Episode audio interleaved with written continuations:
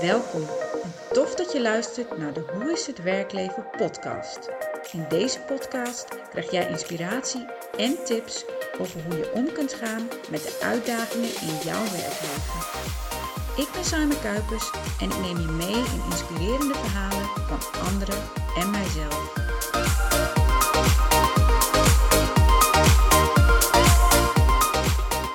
Welkom bij deze aflevering van de Hoe is het werkleven podcast. En in deze aflevering praat ik met Jacobien Verbaan. En Jacobien heeft jarenlang binnen de psychiatrie gewerkt. En zij vertelt op zo'n mooie manier hoe zij omging met alle uitdagingen die zij tegenkwam in haar werkleven. Bijvoorbeeld de eerste keer dat iemand zichzelf van het leven beroofde en wat zij daar dan in deed. En haar team, hoe ga je daarmee om? En vervolgens werkte zij jarenlang binnen bureau jeugdzorg. En ook daar heeft ze hele ingrijpende dingen meegemaakt. Maar ook hoe kun je een mooie bijdrage leveren aan iemands leven en aan gezinnen. En ook vertelt ze natuurlijk over wat ze nu doet en de keuzes die ze gemaakt heeft en welke uitdagingen ze, is tegengekomen in haar werkleven. Ik wil je veel luisterplezier wensen bij deze aflevering. Hartstikke fijn dat ik hier uh, mag zijn om jou, uh, met jou het gesprek aan te gaan. Dus ik ben heel erg benieuwd naar jouw verhalen in jouw werkleven. En ik wil je eigenlijk eerst vragen om je voor te stellen en iets kort te vertellen over wat je nu doet.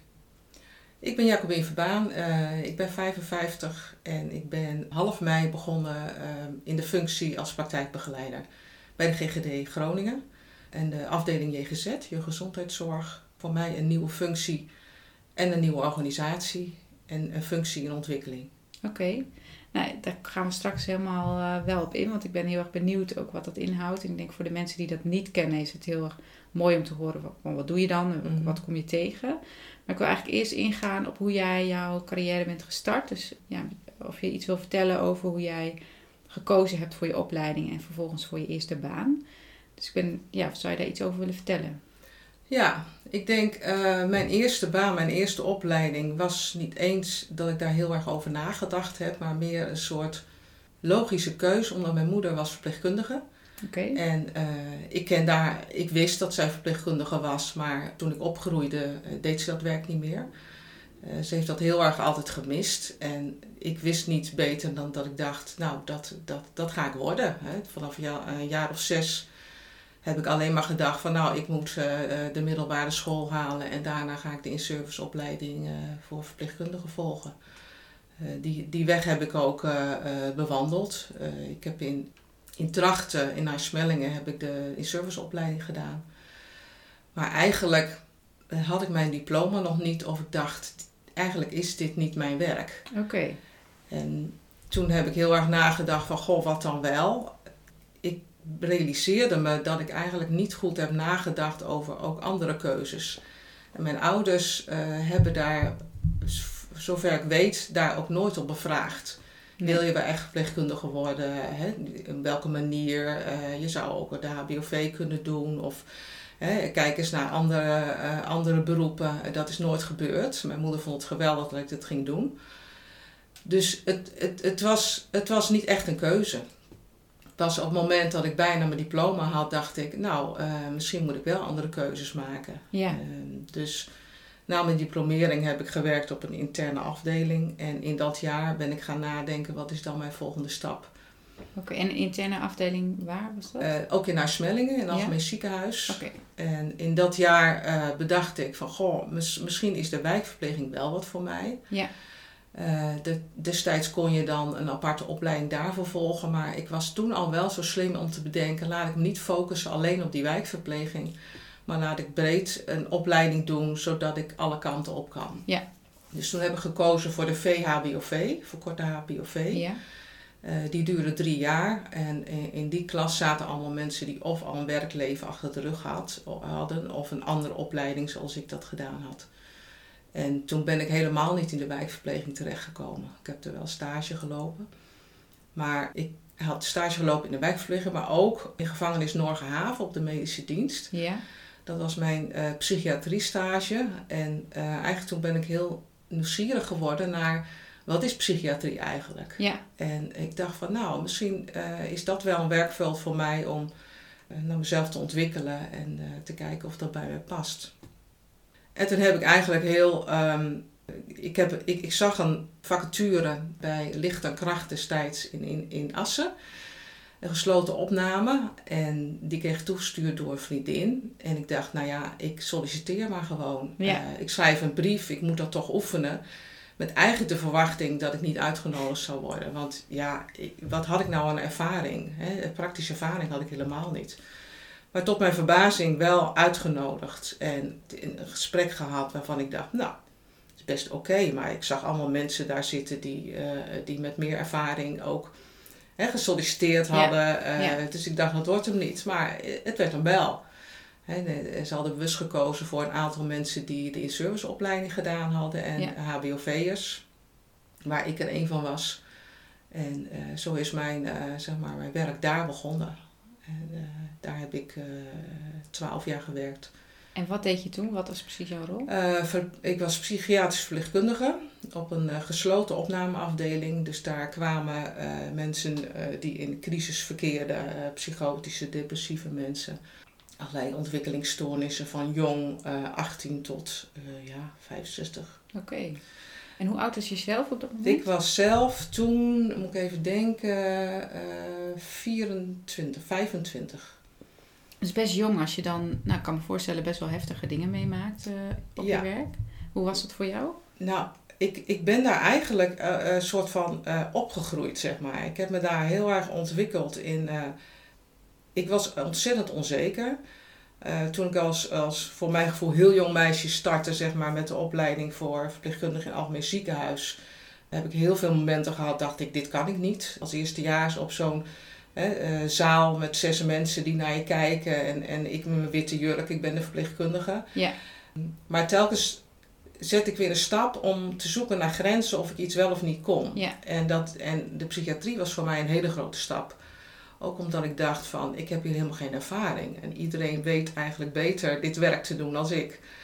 Maar gaandeweg eh, leer je het gewoon. Ja. Door, door, Ja. door, door, ook door schade en schande, door soms verkeerde keuzes te maken of een verkeerde inschatting of, of ja, ehm, eh, ervaringen met eh, de patiënten die daar zaten. Ik, ik, ik vond een heftige periode. Veel meegemaakt, veel agressie meegemaakt, ook suicides. Ik heb ook wel klappen gehad. Ik heb ook wel eens gevreesd voor mijn leven, omdat Jeetje. ik ergens zat eh, op de separeerafdeling eh, waarbij mijn pieper het niet deed en die mij aanviel. Dus ik heb best wel veel meegemaakt. Nou ja, eh, ja het vormt je ook wel weer. Ja. Hè? In, Ja. het, in het kijken naar, naar mensen, naar, naar jezelf. Wat kan ik? Hoe red ik me ergens uit? En hoe ga ik vervolgens weer verder? En wat doe je dan op zo'n moment? En je staat daar met je pieper en die gaat niet aan. Ja, dat, dat, dat, dat, was heel erg spannend. Eh bonken op de deuren, schreeuwen en hopen dat een, een andere patiënt hoorde mij toen aan de andere kant van twee deuren en die heeft toen op een knopje gedrukt. Dus toen kwamen ze wel. Eh, ja, dat, dat zijn momenten die vergeet je nooit. Nee, nee. En toen heb ik ook aangifte gedaan. Eh, ik vond dat we dat destijds veel te weinig deden, omdat we zeiden ja, hè, die mensen zijn ziek. Maar goed, Ja. die mensen gebruikten soms ook van ik kan alles zeggen, want ja, ik ben tenslotte gek. Ja. Ja, ik ben ziek, dus, dus hè, wie doet me wat? Dus Precies. er zijn, de- ik vind dat we daar heel veel grenzen zijn overgegaan, maar op dat moment heb ik wel dat aangifte gedaan en eh zij, eh, ben daar goed in ondersteund.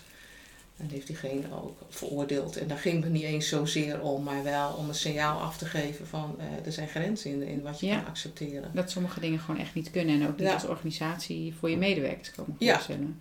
Hoe, hoe was dat? Eh, Hoe, ging je met collega's eh, hiermee om, met elkaar? Nou, we hadden wel op een beetje een soort intervisiemanier. Als er dan een incident was, hè, waarvan natuurlijk suicides en dit soort agressie dingen eh, de belangrijkste waren, hadden we ook een gesprek met elkaar om te kijken hoe is het eigenlijk gelopen. Hè? Ja. Hoe hebben we elkaar ondersteund? Wat heb je zelf daar goed in gedaan of wat heb je misschien gemist? En eh, moeten we daar andere afspraken over maken? Dus het is altijd wel zo dat we hadden een heel fijn team. En, en heel verschillende mensen eh, met verschillende ervaringen. De ene heel nuchter, de ander hè, wat meer emotioneel. Dus ik, ik, ik vond dat dat wel op een goede manier gebeurde. Oké. Ik kon ook altijd weer de stap zetten naar, eh, oké, eh, dit is gebeurd. En de, ja, zoals je zo goed noemt, het heeft een plekje. Ehm, kon ik wel weer gewoon aan het werk. Oké. En Ja. vond je het ook echt Want je hebt daar twaalf jaar gewerkt, zei, je, zei je net. Vond je het ook leuk om te doen? Of wat voor gevoel gaf het jou, dit werk? Ik vond het zeker leuk om te doen. En met name door de zeer verschillende mensen die bij ons opgenomen werden. En dan uh, nou, de tevredenheid die je kan voelen als mensen dan toch weer opknappen. En nou, ze, het was een observatieafdeling, dus een bepaalde periode zaten mensen daar. Dus als de grootste crisis eraf ging, dan, uh, dan gingen, gingen ze door naar een behandelafdeling. Uh, dat duurde wel eens wat langer, om ook daar waren natuurlijk weer wachttijden hè, voor de volgende afdeling. Maar cruciaal was ook het team waar we mee samenwerkten. Want je bent zo ontzettend afhankelijk van elkaar. Ja. We, we hebben ook heel veel lol gehad. Uh, we hebben ook, ook, uh, nou, ook soms achteraf wel grappen met elkaar uitgehaald die je misschien niet zou moeten doen. dat we deden alsof er in de separeren een patiënt was opgenomen en een pop neergelegd en iemand dan de deur laten kloppen. En die dacht van hij beweegt niet, is misschien wel dood. En dan met de camera samen kijken oh, ja, ja. hoe hij reageert. Dat soort lugubere grappen. En, uh, maar goed, weet je, zo hou je het ook wel. Uh, ja, dat is misschien ook nodig met elkaar. Hè? Want je, hebt, je maakt natuurlijk best wel heftige dingen mee. Nou ja, om, dan, om het dan op die manier met elkaar een beetje luchtig te houden. Want wat zijn nou echt, als je hier naar kijkt, de succesfactoren voor een team, voor samenwerken? Nou, in ieder geval dat je elkaar vertrouwt. Ja. dat je, dat je uh, op elkaar kan rekenen. Dat je weet uh, wat je aan die ander hebt op het moment dat er iets gebeurt of er iets met jou aan de hand is. En dat moet je natuurlijk opbouwen. Uh, dat is natuurlijk niet zomaar. Dus daar moet je het ook met elkaar over hebben, hoe je dat met elkaar doet. Ja. Dat is, ik denk, de plezier, plezier in je werk. meer dan de helft is het team waarin je werkt. Ja. Dat je op elkaar kunt vertrouwen en dat je eh, met z'n allen zeg maar, de klus klaart of naar het doel toe werkt. Op het moment dat je je niet lekker meer in, in je vel voelt, maar uh, je houdt wel van je werk en je, je, het team voelt niet als veilig, dan kan je je werk niet doen. Nee, dan kun je nog zo hard werken en denken, goh, ik hou van dit vak. Uh, dan moet je dit vak misschien niet op, op die plek doen. Nee. Niet in die organisatie. Nee. eens. Als je die veiligheid niet met elkaar voelt, dan nee. kun je je werk ook niet goed doen met elkaar. Nee. En wat, wat was de klus klare in deze afdeling? Nou ja, eigenlijk uh, dat je met elkaar zorgt voor veiligheid voor, voor, de, voor de patiënt. En, en, en, en een uh, omgeving waar hij uh, zeg maar eigenlijk zijn crisis weer te boven komt. Ja. Hè, zover komt dat, dat, dat de volgende stap, of naar huis, het gebeurde ook, of naar de, de volgende afdeling. En dat je echt tevreden kunt terugkijken op de behandeling die je met het team, met deze patiënt gedaan hebt. Ja. ja. Dus dat is, uh, ja, we hebben ook wel heel veel mensen natuurlijk, hè, dat, dat, dat gaat in zo'n situaties zien terugkomen. Hè, en zien minder worden, hè, elke volgende opname. En, en, en helaas ook wel momenten dat mensen dan kiezen om niet meer te leven. En dat dan ook op onze afdeling deden. En ja, dat is natuurlijk ook, ja, dat is niet waar je voor streeft, maar wat soms wel gebeurt. En dat, dan is het ook uh, dat kun je niet altijd voorkomen. Hè, we hebben ons daar best wel schulden over gevoeld dat je het niet hebt kunnen voorkomen. Maar het blijft altijd een keus van de ander. En kun je ook nog herinneren de eerste keer, want je bent daar vrij jong begonnen, dat je, dat je de eerste keer dat meemaakte dat iemand zijn leven Ja, dat, dat, tuurlijk, dat staat op een netvlies. Dat, dat raak ik nooit meer kwijt. Eh, dat was een eh, collega, die, die werkte op de open afdeling. Dus die zat een gang een paar deuren verder. En die uh, kwam schreeuwend aanrennen dat iemand zich had verhangen in de douche. En telde ook wie het was en ik kende hem ook wel van naam. En wij daar natuurlijk heen, hè. dan ga je met z'n allen die er dan zijn. Het was in het weekend, zaterdag of zondagochtend, weet ik niet precies meer. En dan, doe je, dan kijk je daar en dan zie je die man hangen. Ja. En dan, ja, dan bel je natuurlijk de ambulance, maar het eerste wat je moet doen is die man uh, bevrijden, zeg maar. Uh, maar heel snel terugdenkend hing die er al een tijdje. Uh, dus wij hebben toen, nou dat weet ik nog, hem vastgehaald, losgesneden en langzaam laten zakken. En uh, op dat beeld zie ik nog hoe hij zo tegen die muur zit met voorover. En um, dat was wel een van de moeilijke momenten, want op dat moment moet je, moet je eigenlijk altijd um, reanimeren. Maar ik zei, deze, deze man die, die, die hangt hier altijd, die, die is niet meer te redden. Nee, Dus wij hadden besloten niet te reanimeren. En um, ik denk nog steeds dat het een goede beslissing was, maar ik had die beslissing eigenlijk niet mogen maken. Eh, dat, je moet eigenlijk altijd vanuit gaan uh, dat, het, dat het nog wel, je moet het doen. Ja, dat het nog kan. Dat, het, nog, kan. Ja. Ik heb dat niet, ik was toen zeg maar op dat moment de verantwoordelijke die daar uh, beslissingen in nam. Ik had dat niet mogen doen. Dus achteraf hebben we het daar ook over gehad. En nog steeds denk ik, als we het wel hadden gedaan en had het overleefd, met zoveel zuurstoftekort, wat, ja. wat, wat, wat had het hem gegeven? Ja. Ja. Dus voor mij, eh, ik snap dat ik dat niet had mogen doen, maar voor mijn gevoel was het wel de juiste beslissing. Omdat hij daar al lang had ja, gehangen. Ja, dus daar, daar heb ik geen schuldgevoel over gehad. Nee. Uh, wel nee. ik dacht, oké, dat, dat is dus... En een keer erop, toen we weer iemand vonden, hebben we wel gereanimeerd. Die heeft het ook niet gered. Maar toen dacht ik, ja, nu moet het. Ja, nu kan het niet. We moeten gewoon. Ja. En toen was er wel wat meer kans dat het uh, wel zou lukken, maar was ook niet gelukt. En hoe, gaat, hoe, hoe, hoe, ga je daar dan samen mee om als je achteraf het gevoel hebt, ook had het eigenlijk wel moeten doen? Hoe? Ja, nou, net zoals ik zei, hè, verstandelijk snap ik uh, dat, dat we het wel hadden moeten doen. Maar we hebben het er wel goed over kunnen hebben, de reden waarom. Hè? Ja. En, en dat we het wel voor onszelf konden verantwoorden. Dat, wat was er met deze man gebeurd? Hè? Als die het dan wel had overleefd. En wat is dan overleven? En, Precies, en, wat, ja. Het was een heel narcistische man. Het, het, gezin wat daar wat, wat achterbleef, die kon zich. Uh, want we hebben natuurlijk ook gesprekken daarna met, met het gezin. Ik persoonlijk niet, maar wel het team. Ja. En die, die, die was ook niet verwijtend. Die snapte helemaal dat, dat deze man die keuze had gemaakt. En, en die snapte ook onze overwegingen. Ja. Die, die, die, die, die konden zich nou ja, vinden. Ja, hoe je dat dan ook noemt. Ja, nee, maar soms is dat zo. Als je al zoveel mee hebt gemaakt ja. met iemand. Hè? Ja, ja. ja dus uh, dat maakt het ook dat, het, dat je het dan af kunt sluiten. En, en, en, voor jezelf dat meenemen wat je in je keuze wel of niet gedaan hebt ja. voor de volgende keer. Ja, precies. Maar uh, voor mijn gevoel en het ook gevoel voor die anderen wel goed afgesloten. Maar goed, in, in, uh, we hebben dan wel eens een, uh, een reunie met de GGZ. Het, het zijn wel allemaal die situaties die we, die we nog herinneren. Ja, Hè, ja, je onthoudt het wel. Je onthoudt het en, en daar komen we nog wel eens op terug. En dat ik bijvoorbeeld de tweede, reanima, reanima, de tweede keer dat ik wel gereanimeerd heb, weet ik nog precies wat voor blouse ik aan had. En nog precies wie erbij waren. Dus zoveel indruk maakt het dan wel. Ja.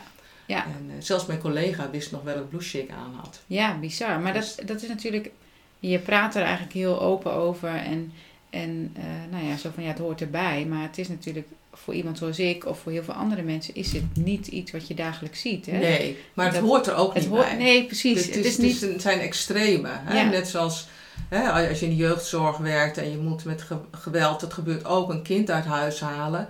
Dan kun je zeggen het hoort erbij, maar het is iets wat je altijd wil voorkomen. Precies. Dus dat, ja. dat zijn, dat zijn uh, gelukkige uitzonderingen. Ja. En hoe is dat dan? Uh, want we gaan natuurlijk zo meteen nog weer verder in Ja. op wat je verder hebt gedaan.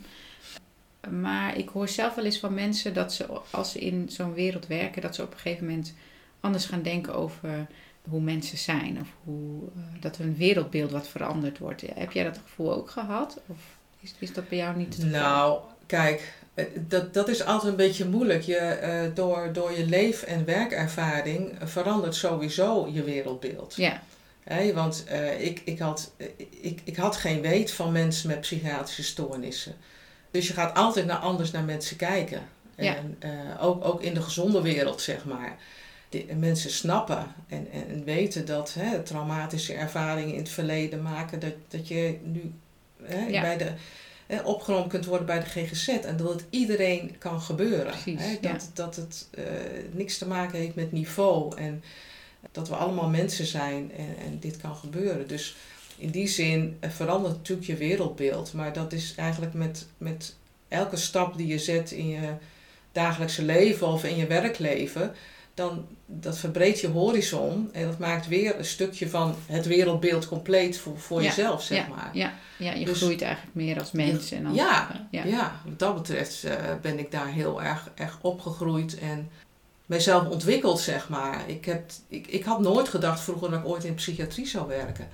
En toen dacht ik, en nu ben ik hier opeens, zeg maar. ja, ja. En uh, ik kan het ook en ik leer hier veel. Dus ik heb voor mezelf al heel veel uitgehaald. Nou ja, dat maakt weer dat je veel volgende stappen kunt zetten. Ja, want hoe is dat gegaan? Je hebt er twaalf jaar gewerkt en op een gegeven moment ja, heb je dan het gevoel het is klaar voor, of het is tijd voor iets anders? Of hoe ging dat bij jou? Ja, ik heb in die periode uh, ben ik ook getrouwd en heb ik twee kinderen gekregen. En toen de jongste bijna vier werd, toen dacht ik, uh, mijn oudste was vijf en de jongste bijna vier. Uh, ja, als ik nog wat wil, ze gaan straks allebei naar school, dan heb ik wat meer ruimte en tijd. Dan is dit wel een moment om een volgende stap te maken. Ja. En ik, uh, ik dacht, ik zou wel graag ambulant willen werken, even los van de, de, de, instelling. ik was er ook een beetje klaar mee de laatste jaren in de psychiatrie, daar werden veel vrouwen opgenomen uh, met borderline problematiek. Uh, die uh, nou, snijden en pillen slikken. Ja. En, het, we hebben regelmatig, en volgens mij is dat beleid nu veel anders hoor, vrouwen gesepareerd. En, hè, omdat ze zichzelf wat aan wilden doen. Of dan ging ik weer naar het Wilhelmini ziekenhuis omdat iemand veel pillen had geslikt. Of zij dat ze geslikt had, want dat was niet altijd zo eigenlijk wilde ik, nou dat was voor mij uh, een moment om te zeggen, nou wil ik wat anders. Nou Ja. wil ik eigenlijk weg uit deze werkwereld uh, op zoek naar ander werk. Dus toen dacht ik, nou nu, nu krijg ik meer tijd. Uh, heb ik besloten een maatschappelijk werkopleiding te doen. Oké. En omdat ik de HBOV gedaan had, kon dat verkort in Ja. twee jaar. Dag school en dan stage en dan ja, veel thuis doen ook.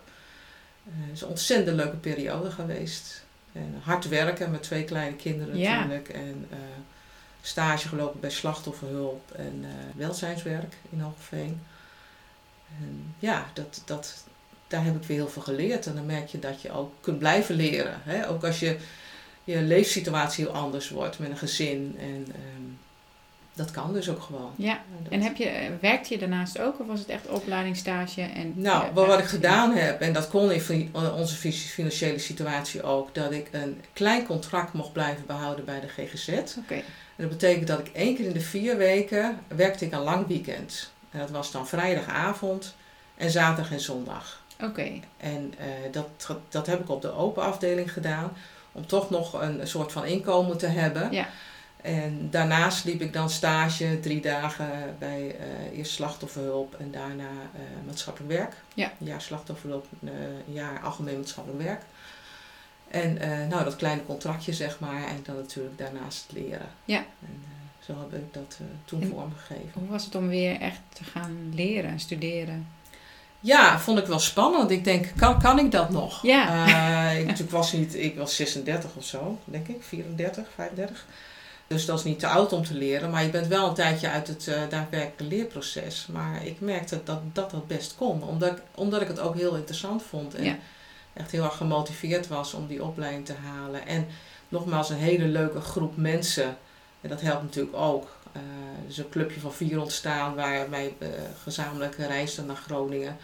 En nou, ook, ook één collega die ik kende uit de psychiatrie, die deed ook die opleiding. Daar rolde ik toevallig op hetzelfde jaar in. Dus dat was heel erg leuk. Dat is, dat is dat inderdaad wel doen. mooi. Ja, oké. Ja. Goed om te horen. En toen, na je studie? Ja, toen heb ik eerst um, een tijdje bij het maatschappelijk werk, algemeen maatschappelijk werk gewerkt. En toen was er een detachering mogelijk naar destijds bureau jeugdzorg. Ja. Dat was een detachering van vier maanden voor zwangerschapsvervanging. En uh, toen kwam er een, vacature als case manager uh, jeugd. En daar heb ik op gesolliciteerd. En uh, dat ben ik geworden. Dus toen had ik daar een baan. En dat heb ik met heel, heel veel jaar ook, soms even qua jaar of tien, elf, met heel veel plezier gedaan. En, ja. en, en, en ik weet wat het is, ik weet wat het inhoudt, ja. ik denk heel veel mensen niet. Dus wat, ja. wat, wat doe je als case manager? Nou, dat, dat, dat, dat ging erom dat als uh, jongeren, jeugdigen, hè, van, van 0 tot 18 en hun ouders uh, hulp nodig hadden, wat vooral uh, intensieve hulp was, even los van de hè, jeugdmaatschappelijk werk of andersoortige hulp, dan gingen wij gesprekken aan met de gezinnen om te kijken wat is er dan nog nodig. Ja. Dat ging vaak om complexe situaties uh, waarbij ouders zich overbelast voelden of, of, of een kind gedrag vertoont uh, waarover zich zorgen maakte, uh, opvoedvragen, verwijzingen naar de GGZ voor onderzoek, ja. al dat soort vragen. Dan hadden wij gesprekken en om gezamenlijk met het gezin te kijken wat is er nodig. En uiteindelijk ja, schrijf je dan een verslag uh, voor een indicatie om uh, te verwijzen. Ja. daarbij ook het case management hè, rond, rondom het gezin, contacten met het, uh, alle netwerkpartners, hè, maatschappelijk werk of mensen van, van de GGZ, hulpverlening van ouders, om ook zorgoverleggen te hebben om te kijken wat er nodig is. En wat kom je daarin tegen? Het is natuurlijk een hele andere, of andere wereld, maar je komt daar ook mensen tegen die op een bepaalde manier hulp nodig hebben of dat zouden willen. Ja. Of misschien niet willen, maar dat wel nodig hebben. Wat, wat zijn de dingen die je daarin tegenkomt? Ja, het is, het, is, het is vooral wat ik tegenkom. En wat bedoel je, wat is een specifieke vraag dan? Nou ja, met name ja, wat voor soort uh, hulpvragen hebben ouders? Of wat voor soort zorgen, uh, en waar komen die zorgen dan vandaan? Is het vanuit het onderwijs? Of zijn er ook echt ouders die dingen aangeven? Hoe, hoe ziet dat eruit? Ja, nou ja, kijk, de, de verwijzingen, ouders kunnen zichzelf natuurlijk aanmelden op dat ze denken, hè, ik maak me zorgen over mijn kind of ik maak me zorgen over mezelf. Hè, dat, dat, dat ik uh, geen grip meer heb op de opvoeding. Er zijn natuurlijk ook scholen die hè, kunnen aangeven, goh, uh, misschien moet je hulp vragen omdat uh, het op school niet meer zo goed lukt. Of hulpverleners van ouderen die zeggen van, goh, misschien heeft je kind ook wat nodig. Dus op diverse manieren kunnen hulpvragen binnenkomen. Dat, dat gaat natuurlijk ook soms op een beetje uh, dringende manier. Ja. Hè? Want niet alle ouders staan open voor hulp of die, die zien dat ze hulp nodig hebben. Dus daar moeten ze soms ook in begeleid worden de, de rol die ik had als case manager in het vrijwillig kader, zeg maar, vrijwillige hulp. Uh, dat zit ook vaak natuurlijk een, een beetje op het randje hè, van vrijwillig en, en gedwongen. En gedwongen ja. Collega's, de jeugdbeschermers, hè, die, die, die zaten in datzelfde team, op hetzelfde gebouw in ieder geval. Dus die, die, dat was natuurlijk een, een, een tweede stap. Hè, op het moment dat de hulpverlening niet op gang komt, of de zorgen blijven groot en vrijwillige hulpverlening is niet meer mogelijk dan is die volgende stap naar uh, kijken, is gedwongen hulp nodig. Dat, vooral op dat, op die, uh, dat grijze gebied van uh, hoe ver ga je in vrijwillige hulpverlening, hoe, ja. hoe ver kun je samen op weg met ouders en kinderen komen tot wat er nodig is. En wat is er echt nodig en, en, en, en is de weerstand van ouders of kinderen zo groot dat je daar niet verder kunt. Ja. Dat is een zoektocht. Dat vond ik wel altijd wel een hele boeiende zoektocht. Ja, want wat, wat, uh, wat doe je dan als je merkt van nou, het, het, het loopt niet helemaal lekker, maar het Ja. zit op dat randje? Wanneer Ja. maak je dan de stap? Nou ja, kijk, ehm, eh, toen ik begon te werken bij Bureau Jeugdzorg, toen uh, ze is er een pilot in Drenthe gestart, eh, Science of Safety. Ja. Eh, en signalen van veiligheid, dat je vooral op zoek gaat naar signalen van veiligheid. En eh, eigenlijk ben ik bij Bureau Jeugdzorg samen met eh, het hele team een beetje opgegroeid met die zienswijze, zeg maar. Dat je vooral gaat zoeken naar de uitzonderingen. Hè? Dat je gesprekken hebt met, oud, of met ouders van wanneer ging het wel goed? Hè? Ja. En als het goed ging, wat deed je dan? Hè? Wat waren de momenten dat je wel grip voelde? Of wanneer ging het wel goed met je kind? Wat zag je dan? Op die manier gingen we ook gesprekken aan. Hè, om te kijken waar je zo, eh, je soort gezamenlijk doel en soms een heel kleine eerste stap kunt hebben om op zoek weer naar veiligheid voor het hele gezin. En eh, dat, dat is heel helpend geweest. Dat is ook iets wat heel erg in mijn systeem is gaan zitten om op die manier te kijken. Ja, En eh, zo hebben we ook de zorgoverleggen hè, eh, vormgegeven. Hè, om te kijken, goh, waar, waar zitten je krachten? Wat zijn de zorgen? En ehm, eh, wat moet er dan vervolgens gebeuren als eerste stap? En is maken naar een veiligheidsplan of een zorgplan. Om nou, die veiligheid wel te waarborgen. ja. Dus eigenlijk gewoon kijken wat er wel mogelijk is en wat voor Ja. eh, kracht ouders zelf hebben. Om, precies. want het ligt natuurlijk heel gevoelig, zeker voor ouders. Ja, je, je wilt het beste voor je kind, maar Ja. soms lukt het niet op een bepaalde manier. Nee, en, belangrijk ook, ook vooral hè, het gesprek aangaan met het kind. Ja, Hè? En, en, en dan vooral aansluiten bij een kind. Hè? Een gesprek met een kind van vier is anders dan natuurlijk met het kind van twaalf.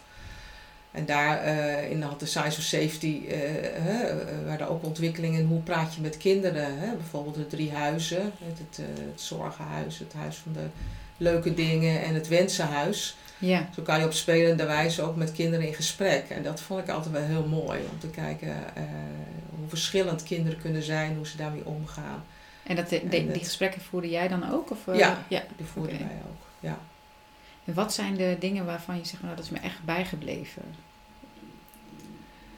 Nou, wat me echt is bijgebleven is eh, een gesprek. En dat is eigenlijk mijn laatste periode eh, bij het CEG geweest. Hè.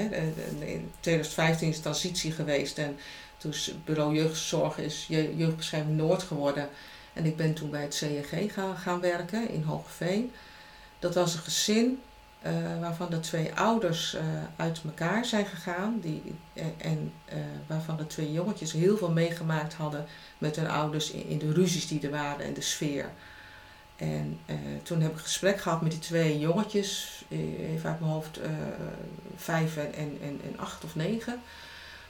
En hebben gezamenlijk met ouders ook een and Pictures gemaakt. Dus een soort beeldverhaal van hoe hun leven zeg maar, eh, begonnen is. Hè? Als, als, als eh, twee ouders die verliefd worden, Ja, eh, met elkaar een kindje krijgen, nog een kindje. En hoe er toen ruzies zijn ontstaan. En dat, die gesprek met, met die twee kinderen en vervolgens met ouders van hoe kun je een verhaal maken.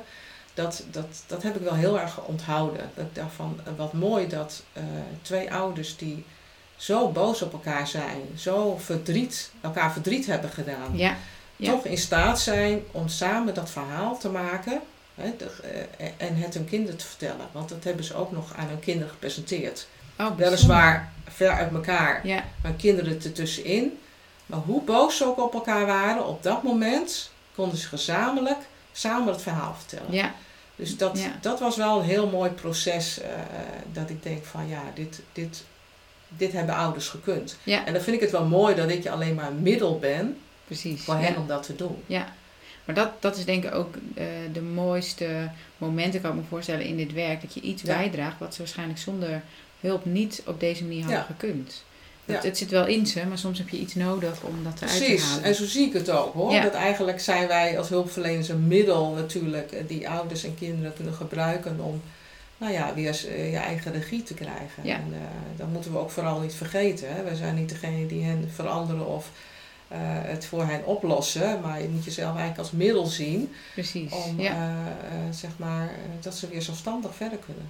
En hoe ging het in die wereld? Je hebt al heel mooi verteld ook over in de psychiatrie, hoe het daar ging met collega's. Maar hoe ging het in, binnen de jeugdzorg? Hoe ging je daar met elkaar om? Ja, nou, ik, ik heb dat uh, ook daar, uh, toen ik dat werk als case manager deed, uh, toen heb ik altijd bij mezelf, god, dit is echt de leukste baan die ik nu heb. En dat eigenlijk gaat het dus in stapjes. Hè? Dat dacht ik in de psychiatrie ook. Ja. En, en toen werkte ik in de jeugdzorg en toen dacht ik, ja, dit, dit is zo mooi. De verantwoordelijkheid die je hebt, je eigen caseload. Dat was natuurlijk een heel zelfstandige functie. Maar ook in die zelfstandigheid uh, heb je elkaar keihard nodig. Ja. Dat kun je ook absoluut niet alleen. Dus ik, ik vond het heel mooi dat je met elkaar ook, hè, in, in ook hè, de casuïstiek die wij dan deden met elkaar, ook hè, op de manier van Science of Safety, de gedragswetenschapper die ons heel kritische vragen stelde over wat doe je nou eigenlijk, uh, maar ook waar ben je trots op, wat heb je goed gedaan. En dat je dat naar elkaar ook, uh, die, uh, nou, die kritische vragen kunt stellen. Ja. He, ook middels intervisie om nou ja, ook de heftige situaties met elkaar te kunnen bespreken. En nou ja, dat, dat, dat maakte ook dat je nou, je werk op een goede manier kan doen. En, nou, daar heb ik ook ervaren dat, dat ik me altijd heel erg lekker heb gevoeld in het team. Mooi. In de ondersteuning daarin. Ja, dus eigenlijk dat ook daarin het stukje team wat je al eerder vertelde is Ja. heel erg belangrijk. Kan ik me voorstellen om dit werk Ja. te kunnen doen. Maar ook uh, de leidinggevende die daar een rol Ja. in heeft. Hè? Want ik, ik, ik heb nou wel diverse managers meegemaakt. En uh, het is zo belangrijk als manager dat je de menskant heel erg snapt. En als je vanuit de inhoud komt en dan manager wordt, is dat wat makkelijker, denk ik, dan als je die weg niet bewandeld hebt. Maar en, en hè, managers die echt mensenmens zijn, zeg maar. Maar ook, ze kunnen zeggen, zo gaan we het doen. Ja. Hè, uh, je kunt niet iedereen tevreden stellen, maar soms zijn er gewoon richtlijnen en regels die moeten. Ja, dat is de ideale combinatie. En die heb ik bij bureau jeugdzorg, uh, heb ik die manager uh, gehad. Waarvan ik dacht van nou, die, die kan naar jou luisteren, die snapt je, maar die kan ook zeggen, nou, zo gaan we het ook doen. Ja. Hè? Ja. En, en ook boos worden of, of gefrustreerd worden en zeggen van nou, hè, op deze manier kan het niet. Maar dat kan dan ook, want dan is die veiligheid er ook. Ja, want dat, dat is denk ik ook de, de belangrijkste factor Ja. met elkaar. Je moet veiligheid hebben om Ja. ook kritisch te durven zijn. Ja, absoluut. Heb je ook situaties meegemaakt, zonder uh, voorbeeld te noemen waar, maar dat je die veiligheid zelf niet voelde? Ja, er zijn wel situaties geweest waar ik dat niet voelde. Ehm, en dan, dan is het moment dat je moet denken van, goh, is dit nog wel de plek waar Ja. ik wil werken? Of ga ik het gesprek aan met diegene? Of, of kan het zo zijn dat dat misschien niet meer matcht? En hoe ga Eh. jij daar dan mee om? Wat is jouw gedachtegoed daarin? Nou, dat, dat is wel in een situatie geweest eh, en dat heeft ook met een, eh, een, een sollicitatie te maken, waar, een baan die ik graag wilde hebben en niet kreeg. En er kwam bij vast, best wel heel veel dingen samen waarbij ik dacht van nou, misschien moet ik een andere stap zetten. Hè, want het is niet per se zo, soms matcht het niet met elkaar. Ja, Hè, er heeft ook wel eens een collega tegen mij gezegd, onthoud ik ook altijd, misschien klop je nu op dit moment op de verkeerde deur. En eh, dat kan ook. Ja. Hè, dat je iets heel graag wilt in een organisatie, maar dat dit niet meer jouw plek is. En dat je het ergens anders moet gaan zoeken. En dat kan heel zeer doen, omdat je eigenlijk jezelf wel ziet op die plek. Ja. Maar goed, dat is ook een realiteit. Ja. Hè, dat is ook eh, zoals het gaat in het leven. En dan kun je, eh, kun je je werk blijven doen en je ellendig blijven voelen. Of miskend blijven voelen. Niet, eh, eh, maar goed, voor wie is dat dan goed? Hè, hoe lang hou je dat dan vol? ja, ja niet. Nee, niet. Nee. Nee. nee. En is dat typerend voor jou dat je dan zegt, oké, dan ga ik ergens anders kijken? Of blijf je dan nog een hele poos? Nee, dat blijf ik niet. Nee, het, ik, ik, ik weet toen eh Bureau Jeugdzorg, die transitie was in 2015. Toen had ik al het gevoel, ik denk, ik wil eigenlijk wel wat anders. Maar toen kwam die transitie en wij gingen dan vanuit eh Bureau Jeugdzorg gingen we naar het CNG in, in Hogeveen. En toen dacht ik, nou, dit is wel zo'n bijzondere periode, dat wil ik eigenlijk wel meemaken. Dus Ja. ik, ik blijf hier nog werken om te kijken hoe dat gaat en wat we met elkaar, eh, nou, hoe we het met elkaar weer kunnen vormgeven. Dus eh, eigenlijk pas na drie jaar in 2018, ehm, eh, toen was, dat was ook de periode dat ik gesolliciteerd had naar een andere functie, niet geworden ben. Toen ik ineens dacht, oké, maar ik kan natuurlijk ook ergens anders werken. Ik zit niet vast Ja. in, in, in, in Hoogveen. Dus ehm, eh, toen heb ik tegen mezelf gezegd, en dat kon ook hoor, eh, van ik ga stoppen met deze baan. Even los van of ik een andere baan heb. Ik ga nu beslissen te stoppen. En dat ga ik dus ook zeggen. Dat ga ik ook, eh, ook doen. Nou, en dat, dat, dat opent weer allerlei mogelijkheden in Ja. je hoofd. Ja, Opeens dacht ik, oké, straks werk ik hier niet meer. Wat kan ik dan allemaal nu doen? Dus dat vond ik ook wel een heel fijne periode. En, en de, de, het team, de, de manager, heeft mij ook de ruimte gegeven om, om te onderzoeken. Hè, naar loopbaan eh, geweest, eh, loopbaandagen, cursussen gedaan. Ja. ook de vrijheid gekregen om te onderzoeken wat is dan goed voor mij. ja, Met al wetende wanneer ik zou stoppen met Ja. die baan. ja. En hoe, Dus- hoe lang was die periode dat je... Ik had ehm, begin januari gezegd, ik ga eruit.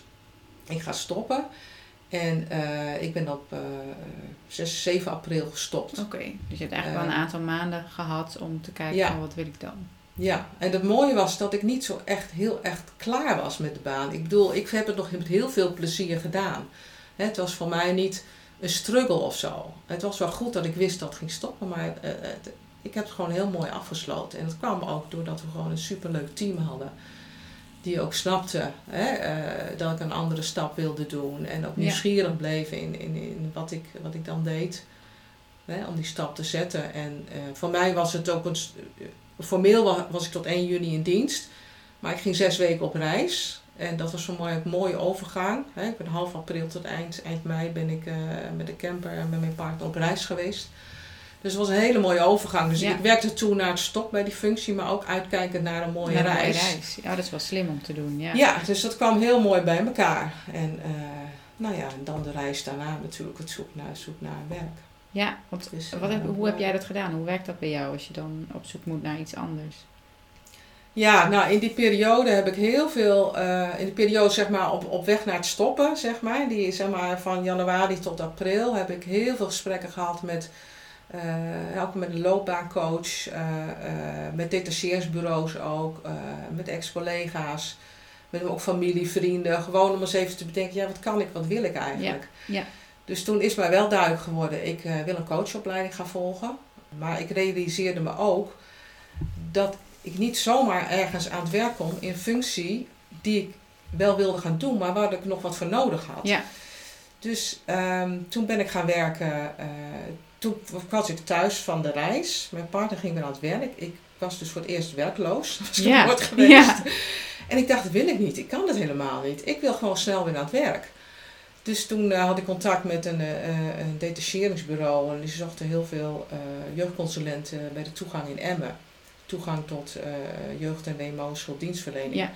En daar kon ik eigenlijk per direct aan het werk in een fulltime functie. Ehm, eh, ik wilde nog anderhalve week even voor mezelf. En ze zei, nou, we willen liever dat je maandag begint. Okay. Moest het gesprek maandag beginnen. Nou, ja, ook goed. Prima. En uh, ik dacht, nou, in die periode kan ik de coachopleiding doen. En uh, kan ik eens denken, wat, wat kan ik en wat wil ik? Ja. Dus dat was een, prima. Prima om het werk wat ik bij het CG deed ook weer hier te doen. Maar wel weer in een, andere gemeente. Anders vormgegeven. Met andere collega's. Uh, dus ja, daar heb ik toch ook wel weer veel geleerd. En was het hetzelfde soort werk of was het echt... Het, wa het was hetzelfde soort werk. Ja, dat klopt. Maar, uh, maar anders vormgegeven ook in de contacten met de samenwerkingspartners. Ja. Ja. Uh, dus dat, dat, dat is ook wel weer boeiend om te kijken. Hè? Want bij de, bij de Stichting Toegang bij het CNG zaten we in het gemeentehuis. Hè. Dan was je zeg maar gemeenteambtenaar. Ja. En, en ja, hier was de relatie met de gemeente toch, toch anders en, en dat vond ik wel ook wel wat ingewikkelder. Uh, maar goed, in, in, in, in de kern was het werk hetzelfde. Ja, ja ook contact met mensen. Precies. Ja. Ook diezelfde hè, struggle soms met, uh, met gezinnen in dat grijze gebied van veiligheid. Hoe lang kan het nog in het veilig kader? En daarin uh, nou ja, hadden we elkaar ook heel hard nodig. Hè, om op positie te bepalen van jezelf. Hoe ver uh, ga je in? Hoe lang blijf je met een gezin? Soms voelt het als doormodderen hè, om te kijken welke, welke wegen kun je nog bewandelen. En waar moet je ook een streep zetten en zeggen, goh, nu hebben we de Raad van de Kinderbescherming nodig. Ja. En dat, dat, vond, ik, dat, dat vond ik wel een, een, een mooie zoektocht met ouders en met elkaar. Want hoe, hoe, stel nou dat je nou, dat hebt, hè, dus je hebt een gezin waarvan je zegt, nou dit kan niet meer, dit is onveilig. Ja. Hoe, doe, hoe ga jij dan als, als professional mee om richting die ouders? Hoe vertel je dat? Nou ja, dat, dat zit heel erg ook in het proces. Hè. Het is niet opeens zo dat je zegt, nou vind ik het zo onveilig, het kan niet meer in het vrijwillig kader. Het, het zijn, en dat is ook eerder vertelde, het zoeken naar mogelijkheden, naar krachten van het gezin en het kind en, eh, eh of, of steun, het netwerk. Hoeveel krachten zijn er nog om, om, om gezamenlijk te zorgen dat een eh, gezin weer de eigen regie kan nemen? En dat is een voortdurende zoektocht samen met iedereen om hen heen.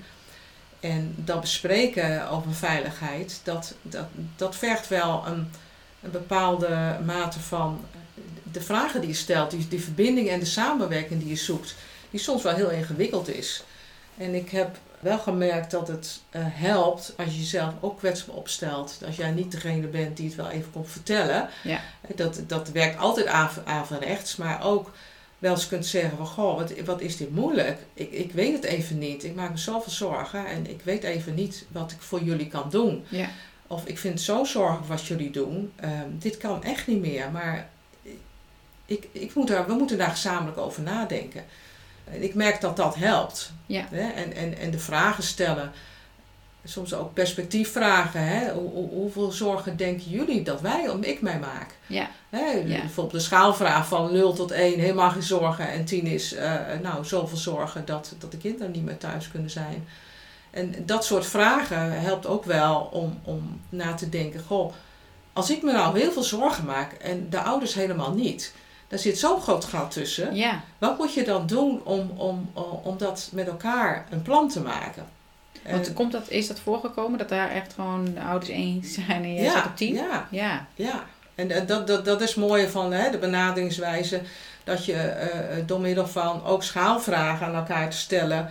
Uh, dat, dat, je, dat je erachter komt dat uh, de zorgen van bijvoorbeeld één hulpverlener misschien wel op een tien zitten op een nul, maar net hoe je schaalt natuurlijk. En, en, dat dat van ouders soms heel anders kan zijn. En Ja. soms van twee verschillende ouders nog anders. Ja. En Ja. dat je daar, en dan kan je het over de verschillen gaan hebben.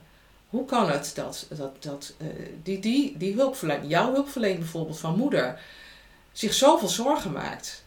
En, en hoe kan dat de hulpverlener eh, van bijvoorbeeld een kind zich niet zoveel zorgen maakt? Of andersom. En als je het over die verschillen gaat hebben, dan kom je steeds dichter bij elkaar. Ja. Dan kun je het zelfs Ja. hebben over dat kleine stapje. Wat is dan nodig om elkaar te weten of die zorgen wel kloppen? Hè? En of, of we wel inzicht hebben in wat jullie allemaal kunnen. weet je zelf wel wat je nog allemaal kan en wat je in je mars hebt. Dus dat, dat, dat, vind, dat, dat vond ik wel een van de mooiste processen. Ja. En soms kom je dan achter dat het niet meer kan.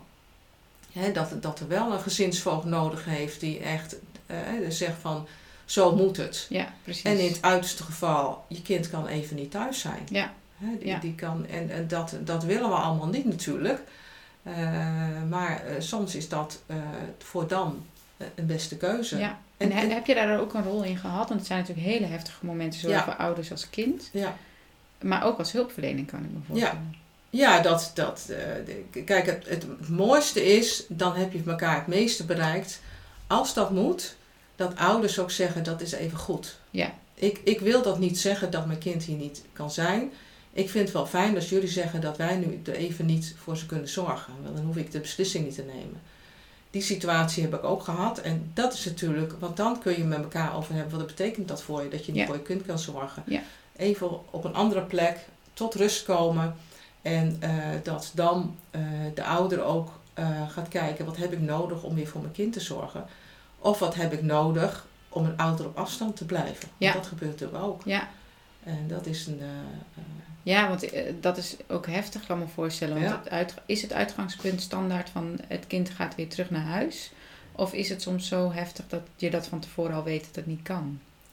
Nou, dat is een lastige. Als je soms verstandelijk beredeneert, dan denk je, dit kind zou, zou logischerwijs nooit meer naar huis kunnen.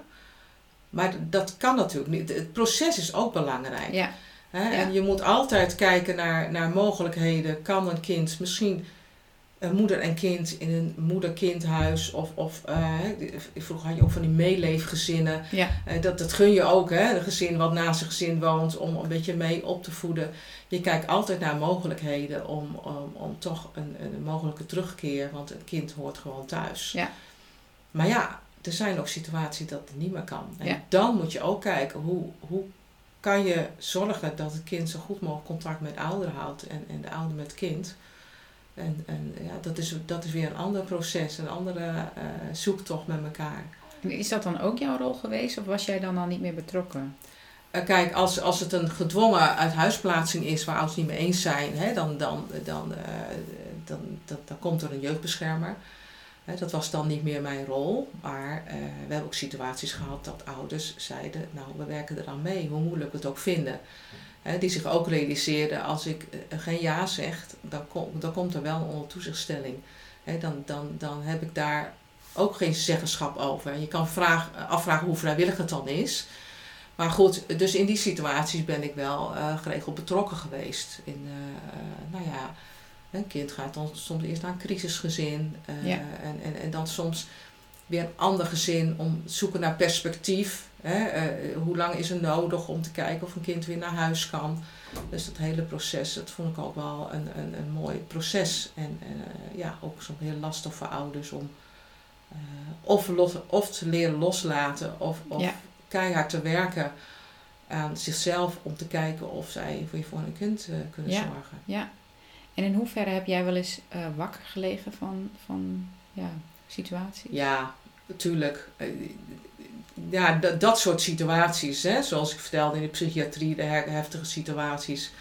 En situaties waarbij je ehm, eh, zulke schrijnende situaties zit, waar- waarbij ouders machteloos zijn en het ook niet kunnen met hun kind. Dat, ja, daar lig ik wel wakker van. Omdat je soms hele cruciale beslissingen moet nemen. Of, of zo de Ja. pijn van ouders en kinderen ook ziet. Eh, eh, ja, daar, daar, eh, en weet je, ik, tuurlijk, overal waar je, waar je, je ligt ook wel eens wakker van privé dingen hè, die Ja. je meemaakt. Dus weer lig je ook wakker van werksituaties. En dat is nou eenmaal wat er ook bij hoort. Tenzij je daar niet meer los van komt. Ja, precies. Hè, ja. dan, dan is er een andere weg te bewandelen. Hè? Dan moet je daar meer aandacht voor hebben. Ik ben altijd wel in staat geweest om dat op een goede manier weer van me af te zetten. Ja.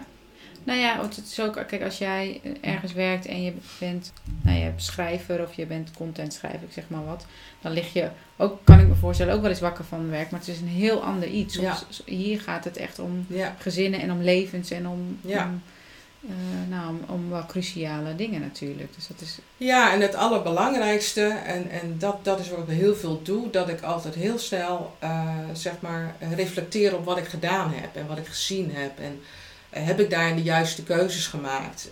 en als ik dat niet heb gemaakt, wat doe ik dan? Ja. wat heb ik dan nodig om dat met elkaar te bespreken? Of uh, de volgende keer anders te doen. En, en, dat helpt mij ook heel erg om, om telkens weer na te denken: oké, ik heb die stap gezet, heb ik de goede stap gezet. Uh, als er dingen niet goed gegaan zijn, is dat dan omdat ik het niet goed gedaan heb, of omdat het nou eenmaal zo gegaan is, of een ander daar een rol in heeft gehad. Ik denk dat dat steeds belangrijk blijft om elke situatie weer terug te kijken. En dat moeten we in heel verlening ook blijven doen. Ja. Op casuïstiek niveau, maar ook in je eigen persoonlijke ontwikkeling. He, op manier van intervisie of, gesprekken met je collega's of met een coach of, of, wat dan ook. Want alleen dan kan je werk blijven doen. Ja. Dan, dan kun je ook uh, dingen afsluiten en, en nou, leren dat je maar ook je eigen krachten beter gebruiken en dat wat niet zo goed gaat uh, op een andere manier kunnen leren doen. En wordt daarin gefaciliteerd ook vanuit werkgevers? Ja, nou ja, kijk, vanuit de jeugd is het een soort verplichting. Hè? Je moet SKJ geregistreerd zijn, dus daarin moet je vijf of zes keer per jaar moet je intervisie volgen.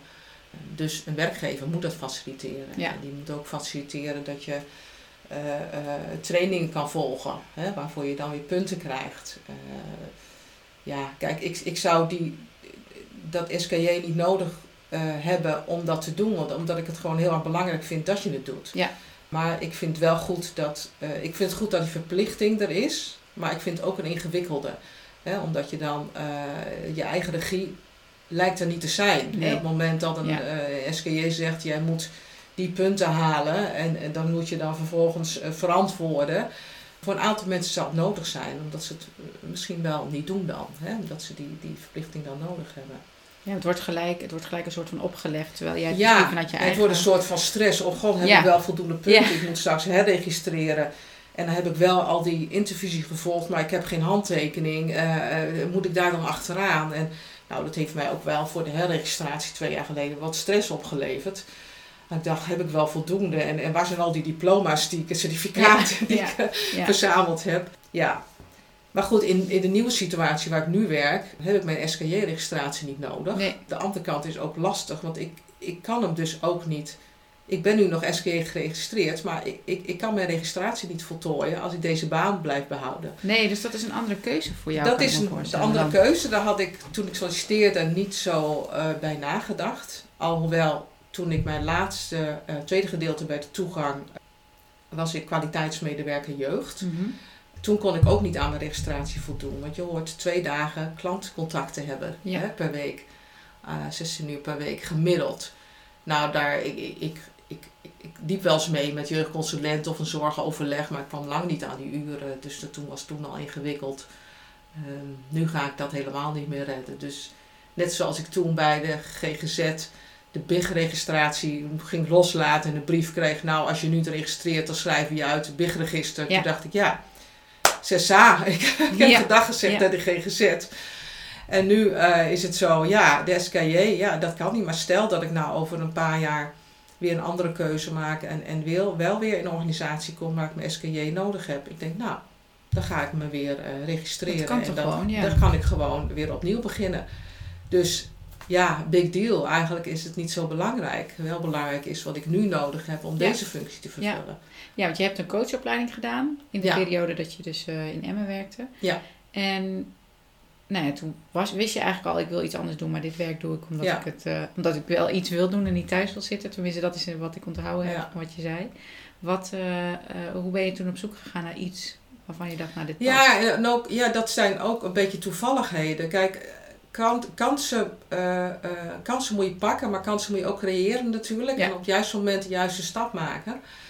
Ik was consulent jeugd bij de toegang en ik wist, ik wilde er stoppen. Ik, ik wilde ook echt een andere stap maken. Ik had mijn coachopleiding, eh, rond ik af op het moment dat ik kon kiezen van of bij de toegang blijven jeugdconsulent of bij het detacheringsbureau blijven, van waaruit ik werkte en andere dingen gaan doen. Ja, En dat ik geen jeugdconsulent wilde blijven, dat was voor mij duidelijk. Dus ik had ook tegen de toegang gezegd, ik ga hier stoppen. Maar ik dacht, eigenlijk wil ik niet weg bij de toegang. Maar ik wil wat anders doen bij de toegang. Maar is die kans er? En dat, dat weet je alleen maar door te vragen. Ja. Ja. Dus toen heb ik, weet nog dat ik een, op een vrijdagochtend een mailtje heb gestuurd. Weet je, ik heb gezegd dat ik wil stoppen, maar ik wil niet stoppen. Ik kan wat anders doen. Ik kan wel jeugdconsulenten begeleiden. Ik, hè, ik kan iets meer doen eh, in mijn rol uh, in begeleiden uh, met beschermtafel. Hè, gesprekken met de, jeugd, met de Raad van de Kinderbescherming. er zijn heel veel dingen die je kan doen. Dus als jullie mij daarvoor in dienst willen nemen, wil ik dat graag.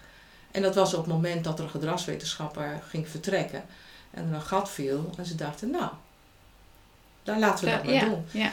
Dus toen heb, ben ik in dienst gegaan voor de toegang als kwaliteitsmedewerker jeugd. Met uh, vooral de focus op begeleiden van jeugdconsulenten, maar ook ontwikkeling van uh, een scholingsplan, scholingsvoorstel. Ja.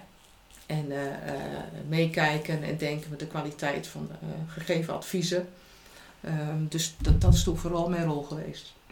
En hoe lang heb je dat ongeveer gedaan? Dat heb ik ruim een jaar gedaan. Oké. Ja. En was je toen in dienst bij. Uh, want je was toen was ik inmiddels in dienst bij de toegang. Toen heb ik een keuze gemaakt. Dan wil ik graag in dienst bij de toegang. Om te kijken of hè, er verder kansen zijn. Ja. En toen uiteindelijk, je hebt dat een jaar gedaan. Hoe is dat gegaan dat je uiteindelijk daar toch weg bent gegaan? Ja, dat heeft, dat heeft diverse, zijn diverse redenen. Ik was kwaliteitsmedewerker jeugd. Er, waren ook, uh, er zijn ook praktijkbegeleiders. Dat zijn de gedragswetenschappers. En uh, ik, dat wat de gedragswetenschappers deden, dat wilde ik ook wel graag doen. Maar goed, dat, dat, dat paste niet bij mijn rol. En er waren ook wat overlappingen. Uh, er, waren ook, er was ook een beweging dat kwaliteitsmedewerker jeugd een, wat andere rol zou kunnen gaan krijgen.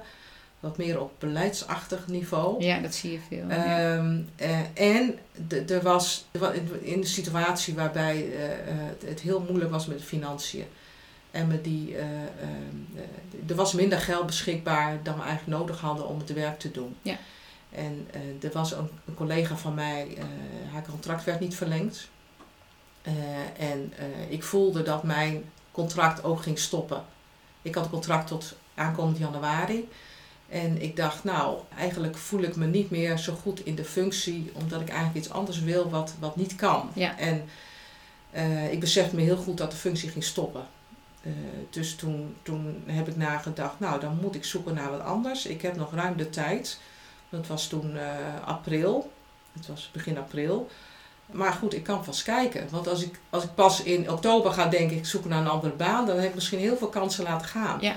En dan ben ik misschien te laat. Dus ik, uh, dat was mijn eerste keer dat ik op Zorgplein Noord keek. en um, dan zag ik de functie praktijkbegeleider JGZ. Dus daar heb ik eens uh, naar gekeken en die, die, ik zag die functie op zondag en ik moest voor dinsdag reageren. Meestal heb je wat meer ja, tijd, maar ik, ik, ik, haakte pas heel laat in uh, op die functie. En toen dacht ik, dat is leuk, dat is een kans. Ja. Maar goed, er werd ook gevraagd uh, ruime ervaring bij de EGZ. Nou, die had ik dus nee, niet. Nee. Maar goed, ik dacht, ik heb wel andere ervaring. Ja. En uh, niet geschoten is altijd mis. Dus ik ben toen uh, twee dagen bezig geweest. Nou ja, je schrijft een brief. En dan wil je nog eens lezen, nog eens nadenken, wil ik dit? Uh, ik moest ook een A4'tje schrijven over hoe ik dacht dat de JGZ er over twee jaar uit zou zien.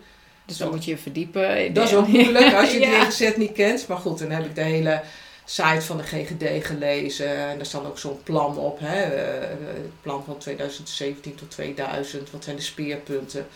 Dus daar heb ik iets uitgehaald en gecombineerd van wat ik belangrijk vind. Ja. Dus dan moest ik ook schrijven. Nou, dat heb ik ook drie keer herschreven. Dus die twee dagen had ik wel nodig om het. En ik laat mijn man ook altijd lezen, hè, textueel. En, en als jij het nou leest, wat denk je dan? Dus uh, op die manier. En toen heb ik, uh, nou, maandagavond dacht ik, nou, nu moet het klaar zijn. Dan stuur ik de brief. Nou ja, toen ben ik uitgenodigd. Ja. En toen ik uitgenodigd was, dacht ik, nou, dan maak ik wel een kans. Ja. Als ze weten Ja. dat ik geen ervaring heb. En uh, als ze toch het gesprek met mij aangaan, dan zien ze dus op basis van mijn cv of wat ik geschreven heb, wel een kans. Het is wel grappig, want je vertelde dat hoe je je eerste baan hebt gekregen, dat het ook een beetje zo van, nou ja, ik heb die ervaring niet, Nee. uh, maar ik probeer, uh, ik ga het gewoon proberen. Maar Ja. toen nog dacht van, nou ja, ik word uitgenodigd. Maar, hm. Ja. maar nu eigenlijk denkt, oké, dan maak ik dus een Ja, kans. Dus ja, het is wel mooi heel om- anders. Ja. Ik zal heel anders doen. Ik was ook zo bewust van mijn eigen kracht en mijn ervaring. Dat ik daar heel ontspannen heen gegaan, ben gegaan. Ja. En ik had een gesprek met vier managers. Eerst dacht ik even, wow. was een grote, grote zaal. Eh, het was ook een coronatijd. Ik werd gewoon gelukkig uitgenodigd. Vind ik wel zo fijn. Ja. Maar goed, allemaal op grote afstand van elkaar. Maar ik zat thuis. Ik, ik dacht ook, nou ja, weet je, wie doet me wat? Ja, ja, Dus ja heel ja, anders. Het was, ook, mooi. ja, het was ook een leuk gesprek. En eh, eh, ook een. een, een eh, ja, soms kan je een, een gesprek ervaren als eh, eh, een soort verhoor of zo. Ja. Hè, waarin je je klem gezet kan voelen. Maar dat had ik absoluut niet. Dus ik dacht ook, kom maar op. Ja, Hè? En zij dacht natuurlijk ook, kom maar op. En dat ging, dat ging heel goed. ja, Dus ik ging daar ook met heel veel zelfvertrouwen weg. Maar ja, ook dan dacht ik, ik ben niet de enige kandidaat. Dus ja. ja dan weet je kan. het niet. Ja, Maar ja, een paar uur later werd ik gebeld. En, dat ze toch met ik, jou ja. verder willen. Leuk. Ja. Ja. En dat dus nu onlangs gestart, want het is... eh, ja. Hoe is het om te starten in coronatijd? Ja, nou gelukkig. GGD is een groot gebouw in Groningen. Dus eh, eh, ik kon gewoon daar starten. Met mijn twee nieuwe collega's die wel ervaring hebben bij de JGZ. Ja. Met beide GGD Groningen. Dus die kennen de, de, de ins en outs van, van het werk als jeugdverpleegkundige. Heel fijn, want ja, je hebt die inhoud ook nodig natuurlijk om je werk te kunnen doen. En ik heb vier weken heb ik een overlap gehad. Eh, zeg maar ehm, afbouw bij de toegang. En daar heeft Ja. de toegang heel fijn in meege- meegedacht ook. Hè, hoe ik dat op een goede manier kan doen. En opbouwen bij de JGZ. Dus dat heb ik, eh, dat was wel een bijzondere periode. En ook in het schakelen, hè, Ja. nieuw werk, maar ook bedenken wat moet ik nog allemaal doen om, mijn, eh, om het goed af te sluiten hè, Ja. bij, bij de toegang. Dus dat was wel. en na die vier weken, afscheid genomen van de toegang, ben ik, heb ik ook twee weken vakantie gehad. Oké, dus dat was wel, ook wel Ja. weer een mooie overgang. Dat komt dan mooi zo samen. Ja, het is, eh, het is één groot avontuur, eh, die nieuwe baan.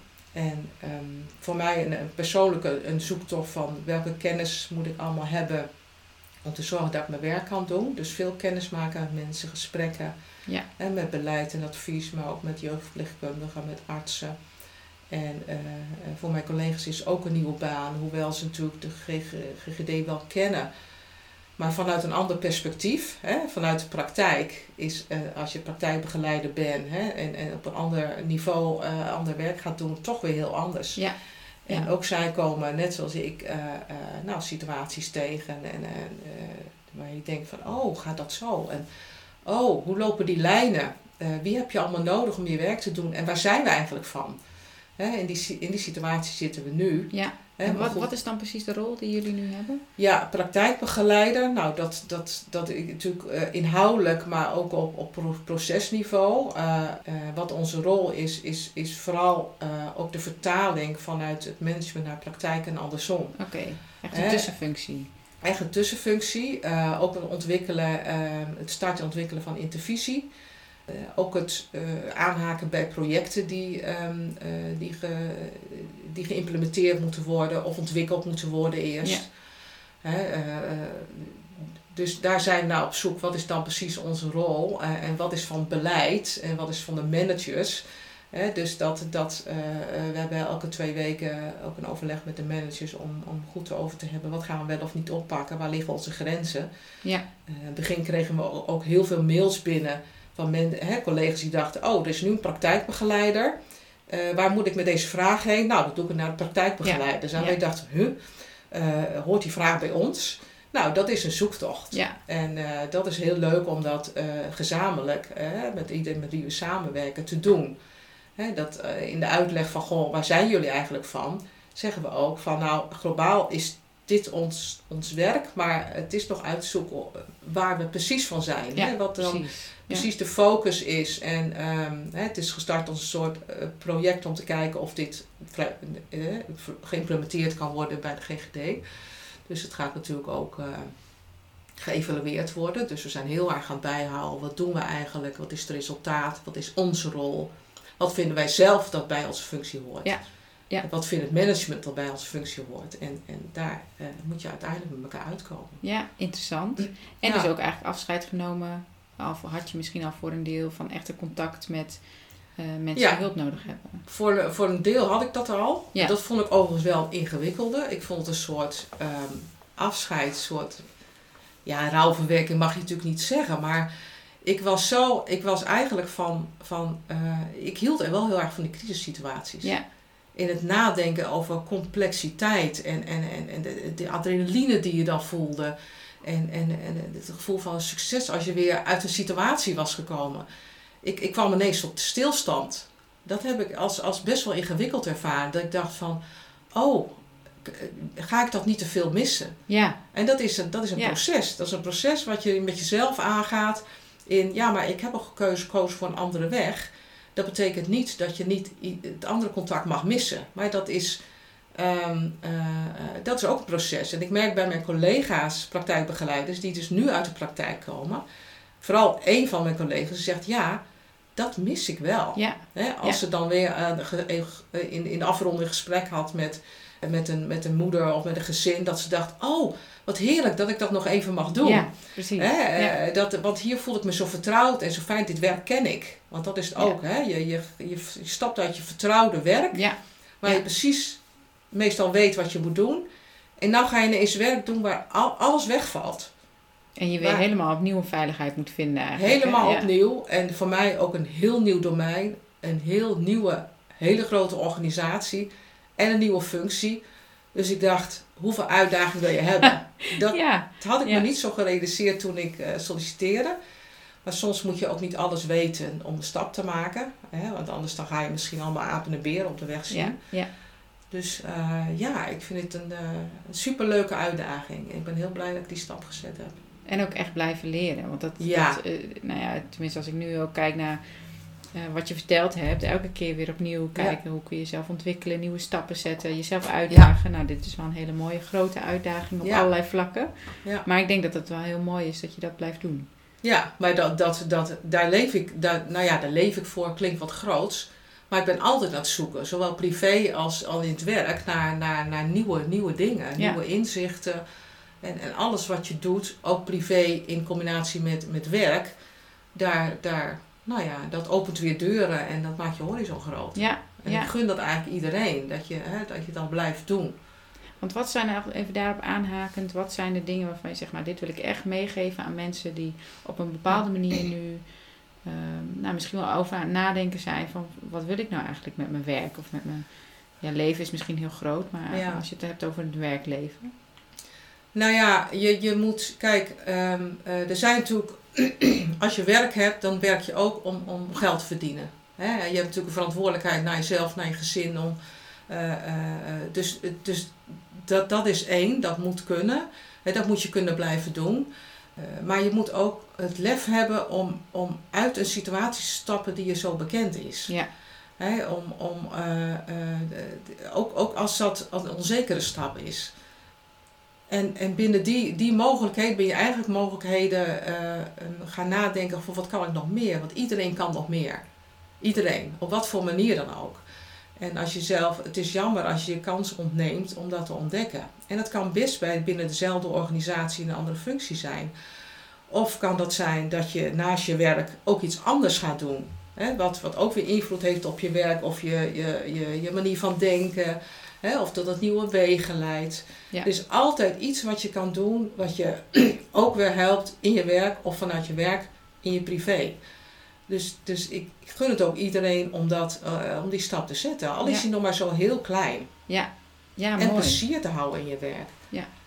En wat is plezier voor jou als je kijkt naar werk? Nou, vooral dat je uh, eigen regie vind ik heel belangrijk. Hè? Dat je zelf een bepaalde maat van bepalen hoe kan ik mijn werk doen. Um, uh, maar ook dat je de balans goed houdt. Hè? En als je ingewikkeldheden ervaart in je werk, uh, dat, je, uh, dat je je daar niet door laat overspoelen. Dat je op tijd op de, op de rem trapt of anderen om hulp vraagt. Ja. van help mij eens kijken naar deze situatie. Of ik kan het nu even niet, kan ik een stapje terug doen. Dat moet je ook wel zelf doen. Ja. Hè? En, en de verantwoordelijkheid nemen voor jezelf. Op het moment dat je denkt van, ja, past dit nog wel bij mij? Zoeken naar wat anders. Hè? Dat is ook eigen regie. Precies, ja. Ja, mooi. Zou jij nog als afsluiter iets willen meegeven aan, ja, aan de luisteraars? Ja, goh. Nou ja, ik, ik word altijd enthousiast van een, een volgende stap, activiteit hoe klein ook die ik doe, uh, om weer um, energie te voelen, zeg maar. En uh, ik raad aan om iedereen om dat te doen. Of je nou, uh, hè, ik zei het net ook al, of het nou iets in je privé is wat je als vrijwilliger werk doet, of, of je gaat muziek maken, of, of, of nou ja, wat, wat je dan ook doet. Ja. Om zeg maar het enthousiasme in je, in je werk, in je leven te behouden. En dat, dat, nou, dat kan op, op vele vlakken. Ja. Dus, nou, ja. mooi. Ik wil jou heel erg bedanken, want ik vind het, vond het echt een heel mooi gesprek. Ook hoe je vertelt over wat je allemaal gedaan hebt en wat je tegen bent gekomen. En ik denk een heel mooi beeld gegeven over jouw werkleven in ieder geval. Ja. En ik hoop dat je ja, de zoektocht die je nu aangaat op een hele mooie manier gaat doen samen met je collega's. En uh, nou, deze nieuwe wereld uh, op een hele mooie manier ontdekt. Ja, dat hoop ik ook. Dus dankjewel. Ja, graag gedaan. Bedankt voor het luisteren naar deze aflevering van de Hoe is het werkleven podcast. Ik hoop dat je met veel plezier geluisterd hebt en dat je er inspiratie uit kunt halen. Wil je nou ook jouw verhaal delen of ken je iemand die ik echt moet interviewen? Laat het dan even weten. Je kunt mij vinden via Instagram of via LinkedIn onder Saima Kuipers. Dankjewel.